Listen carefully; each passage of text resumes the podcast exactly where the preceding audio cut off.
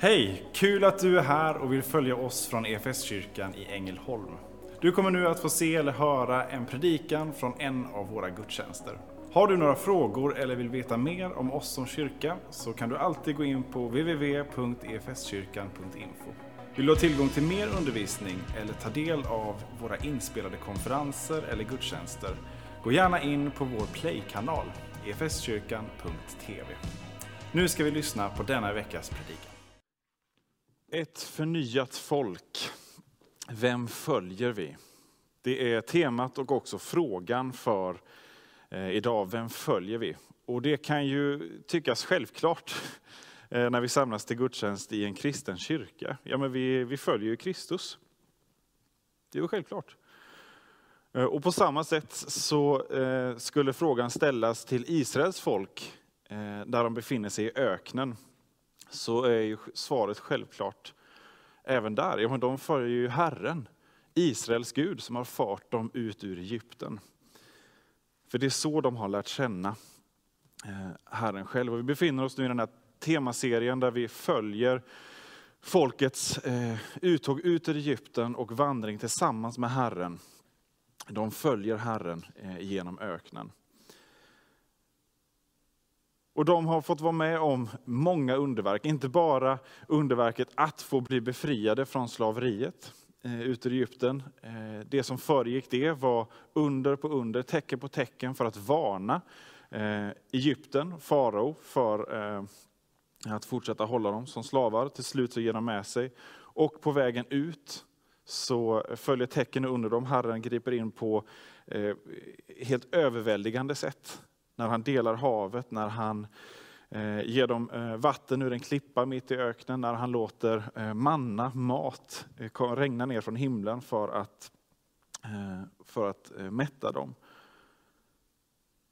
Skulle de någonsin kunna tvivla mer på en sån Gud? Undrar vi när vi läser detta. Skulle de någonsin kunna tveka på svaret på frågan, vem följer vi? Efter att vara med, ha varit med om allt det här. Vi slår upp Andra Mosebok 32 för att se om vi får svar på, på den frågan. I den första versen eh, och en bit in så står det så här. När folket såg att det dröjde innan Mose kom ner från berget samlades de kring Aron och sa till honom, gör oss en Gud som kan gå framför oss. Vi vet inte vart den där Mose har tagit vägen, han som förde oss ut ur Egypten. Aron svarade dem, ta guldringarna ur öronen på era hustrur, era söner och era döttrar och kom hit med dem. Då tog alla av sig guldringarna som de hade i öronen och lämnade dem till Aron. Han tog emot guldet av dem och knöt in det i en kappa. Sedan gjorde han en gjuten tjurkalv av guldet. Då ropade det detta, Israel, är din Gud som har fört dig ut ur Egypten. När Aron såg vad som skedde reste han ett altare framför kalven och lät kungöra, i morgon firas en högtid till Herrens ära. Tidigt nästa morgon offrade de brännoffer och frambar gemenskapsoffer, och folket slog sig ner för att äta och dricka och började sedan förlusta sig. Det dröjde innan eh, Mose kom tillbaka. Han har varit borta länge tycker de. Gud har varit borta länge, för det var genom Mose som Gud talade till folket. Så är Mose borta från folket, så är också Gud borta från folket. Det är deras upplevelse. Och Mose han har varit uppe på, uppe på bergstoppen på Sinai berg och haft konferens med Gud i 40 dagar. Eh, 40 dagar, det är ganska länge. Och där är han och eh, samtalar med Gud och får vägledning för nästa steg framåt. Nu ska förbundet fullbordas. Allting som de varit med om hittills har varit början på, eller förutsättningen för förbundet, att nu få bli Guds folk och få ingå förbundet med honom. De ska få ta emot buden de tio budorden och många fler därtill. för att få leva tillsammans med Gud och eh, ledda av honom följa hans vilja. Men det tar för lång tid. Guds tidsplan är för långsam. Och folket ser inte vad som händer. De hör inte vad som händer uppe på berget. De får inte, de får inte inblick i Guds plan och de tycker att den dröjer. De har en till synes overksam Gud. En Gud som har övergivit dem kanske. Och de har tvivlat och de har misstrott tidigare. Eh, in emellan de här underverken. Eh, och många gånger klagat på Gud att han inte gör tillräckligt. Men det här är annorlunda nu. Nu är Mose borta, Gud är borta eh, i veckor. Och det folket gör då är att de griper efter Gud på det sätt som, som de kan, eller det sätt de känner till. I Egypten vid den här tiden så var eh, tjurguden, tjurkulten central. Egypten hade en mängd olika gudar som var olika, eh, olika, olika hierarkier och, eh, och sådär. Men eh, tjurguden var en av de här centrala gestalterna, Apis. Och, eh, som också plockades upp eh, sen av grekerna, av romarna och överlevde som avgudakult ända in till 400-talet efter Kristus. Men det de gör nu är inte att de bara eh, helt enkelt plockar tillbaka den egyptiska avguden Apis eh, och vänder sig bort från Gud och till den här avguden. Utan de säger det här, den här guldkalven som vi nu har skapat, som Aron har skapat med sina händer. Detta är vår Gud som har fört oss ut ur Egypten. Och de kallar den här guldkalven eller guldtjuren också för Guds eget namn. Låt oss imorgon fira en Herrens högtid och det är Guds namnet de använder. Låt oss fira Gud själv som nu har tagit gestalt i den här guldkalven. Och det är förrädiskt för att det är inte så att Guds tron, att Bibelns Gud bara vänds ryggen och, och lämnas vind för våg som vi kanske tänker vid första eh, anblick här. Oj vad snabba de var på att byta religion igen. Nej, det är, det är mycket mer förrädiskt än så därför att nu så har de förvanskat den enda guden förminskat. Guden som har skapat hela världen, säger de nu, är den här guldtjuren, gjord av människohand. Och det är förrädiskt, därför att avgudar är inte bara de här uppenbara eh, avgudarna i olika mytologier. Utan när det blir uppblandat med det som är sanning, när det blir uppblandat med med Bibelns Gud så blir det så mycket mer förrädiskt. Den uppenbara lögnen kan för all del förleda, men den blir så mycket mer lurig när den är uppblandad också med sanningar eller halvsanningar. Och vi har sett eh, exempel på exempel eh, genom historien på det här. Hur på missionsfältet, där man inte har lyckats kanske etablera eh, eh Eh, en kyrka som har fått rätt struktur och rätt förutsättningar och sen så går det en tid eh, och, eh, och sanningen blandas upp med den gamla folktron och, och sådär. En god vän som var missionär i Indien under en period, han fick vara med och driva ut onda andar ur en person som var kopplade till Maria-tillbedjan. Där alltså katolsk mission har blandats upp med den hinduiska mytologin. Och så har Maria istället för att vara en kvinna som får vara en förebild eh, som man kan känna vördnad inför, hur hon var lydig kallelsen att eh, föra Jesus till världen. Så blev hon istället en av gudarna i, eh, i den hinduiska gudakatalogen. Och så ledde det till demonbesättelse. Så, så kan sanningen förvrängas och det som, som ska vara någonting gott, när lögnen blandas in eh, så blir det svårt att skilja från, från vad som är, eh, är rätt och gott. Eh, ett annat exempel som jag ser idag är framgångsteologin. Där mammon, alltså pengar och rikedom och tillgångar, när det blir en avgud för oss och när det blir sammanblandat med kyrka och kristendom. Där jakten på, på framgång, jakten på den ekonomiska tryggheten och eh, att mitt liv ska få välsignas i ekonomiskt överflöd om jag bara eh, ger gåvor till rätt ministry eller till rätt eh, pastor.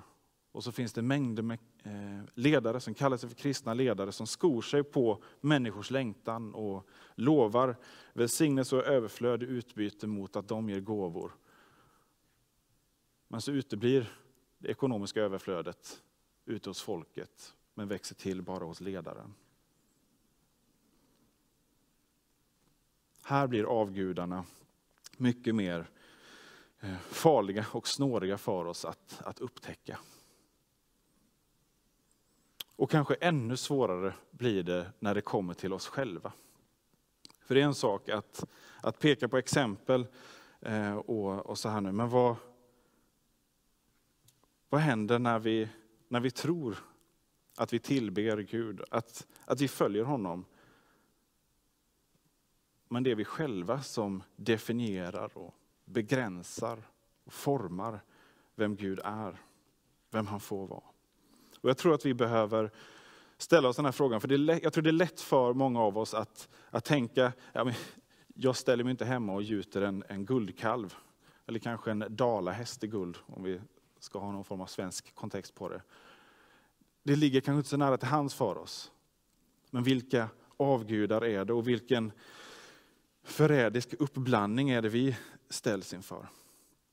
Jag tror det är just uppblandningen med oss själva och med vårt ego. Väljer jag hur Gud ska vara?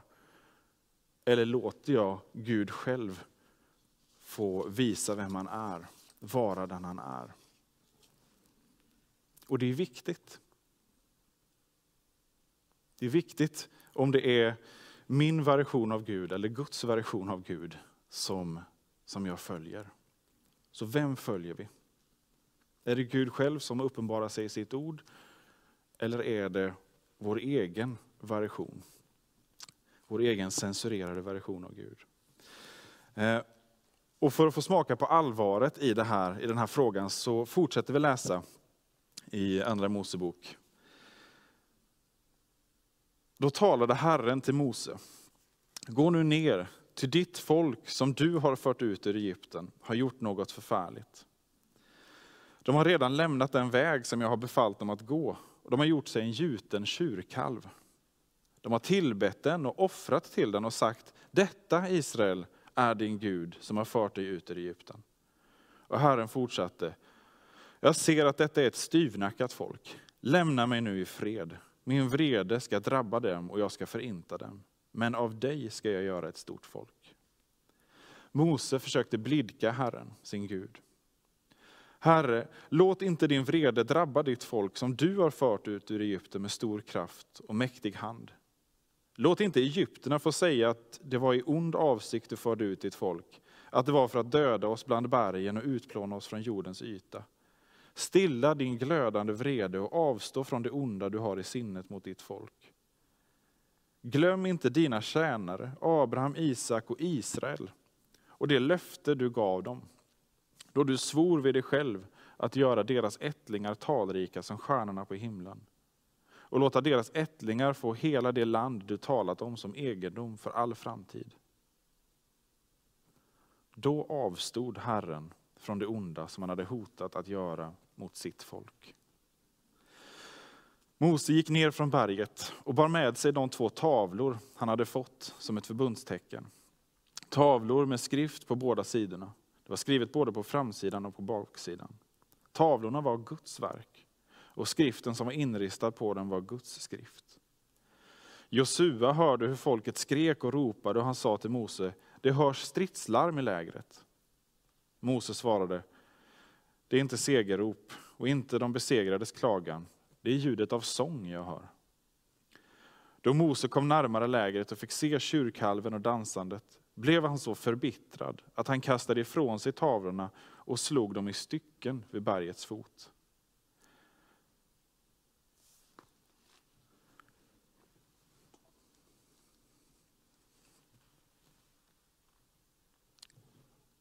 Men kan det verkligen vara så farligt?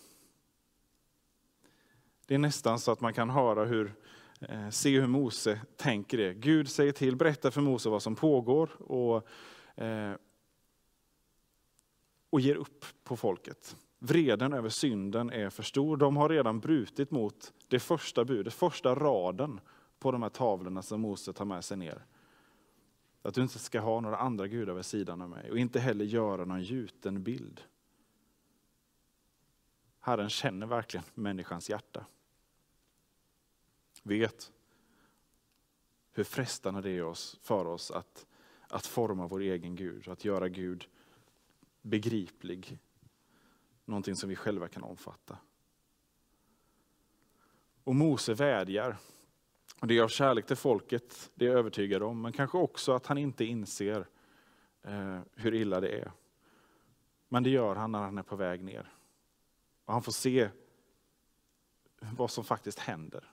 Hur de dansar och sjunger, firar gudstjänst, tillber den här lilla guldtjuren. Och i vrede så slår han sönder förbundstavlorna. Och i det så blir det också som en, en profetisk handling för att visa vad det är folket har gjort. De har brutit förbundet. De har brutit eh, det som, som var Guds vilja för dem, som står uttryckligen här. Det som leder till eh, ett liv efter Guds vilja, som leder till ett gott liv. Det har de brutit sönder.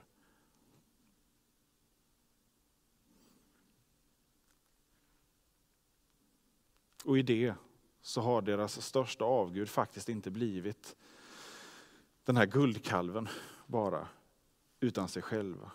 Därför att de har själva valt vem Gud är, hur han ska uppenbara sig. Hur de ska fira honom, hur de ska tillbe honom. Och det blir så om Guds egen uppenbarelse inte får vara det som leder oss. Om inte han själv får vara den som definierar sig själv. Utan vi gör det, tror oss kunna göra det. Ja, då har vi gjort oss själva till Gud. Då, har vi, då gör vi oss större än vad Gud är. Vi har ställt oss över honom. Och då är vi tillsammans med folket här tillbaka i ursprungssynden. Längtan efter att vara sig själv nog, att klara sig utan Gud. Att inte lita på att det han säger till oss, det han är, det han ger oss, är tillräckligt.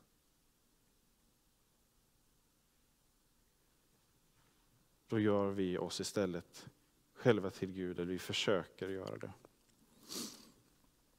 Och hade det inte varit för Moses vädjande för folket,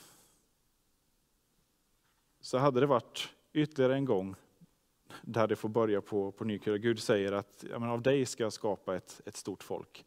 De, får, eh, de har ju valt nu att, att vända sig bort från mig. Men Mose vädjar för folket. Eh, och vi ser gång på gång hur eh, ledare genom eh, tiden vädjar för, för andra, tar hand om, lyssnare till Guds röst. Men tidigare så har vi exempel som, som Abraham som när Sodom och Gomorra hotas av undergång så säger han om det finns 50 rättfärdiga, eller om det bara så finns 10 rättfärdiga, så skona staden. Men Mose vädjar för hela folket. Där alla har vänt ryggen mot Gud. Han vädjar för syndarna. Och även efter att han här i, i sin eh, sorg och ilska har slagit sönder tavlorna. Eh, I nästa samtal med Gud så säger han det, om, om du förintar folket, då får du också förinta mig. Och Gud lyssnar till den förbönen. Och här blir Mose en fantastisk förebild. En profetisk bild för, för Jesus själv. Som inte har kommit för att kalla rättfärdig utan för att kalla syndare. Och där han går så mycket längre än att bara vädja och be för oss syndare för människan som har vänt Gud ryggen, som har gjort sig själv till Gud och som har eh, försökt skapa sin egen eh, Gud som passar oss. Jesus inte bara ber, vädjar, utan han tar själv straffet. Han går så långt som, som Mose bad om att få gå, men som han inte kunde gå själv. Men där Jesus tog konsekvensen av att vända livets Gud ryggen. Att drabbas av döden.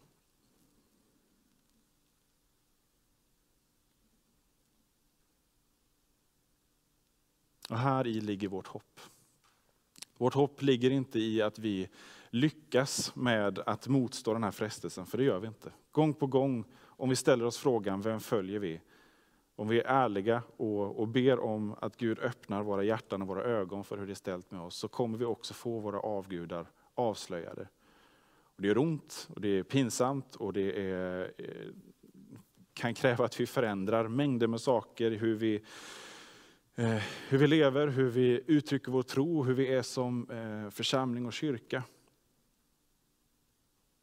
Men vi kan få göra det frimodigt och med vetskap om att det är Herren själv som vill leda oss. Och att han är beredd att gå så långt så att han själv blir människa och tar straffet för oss. Så mycket älskar han syndaren. Så mycket älskar han den som har vänt honom ryggen.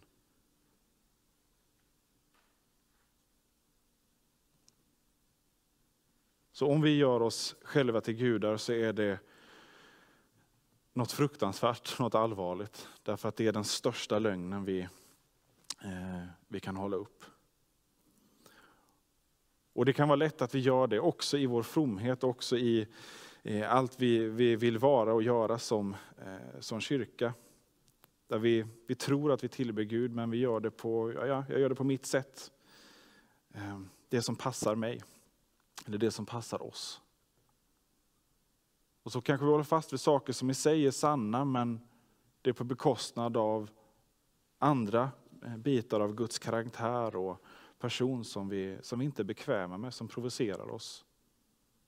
Och istället då för att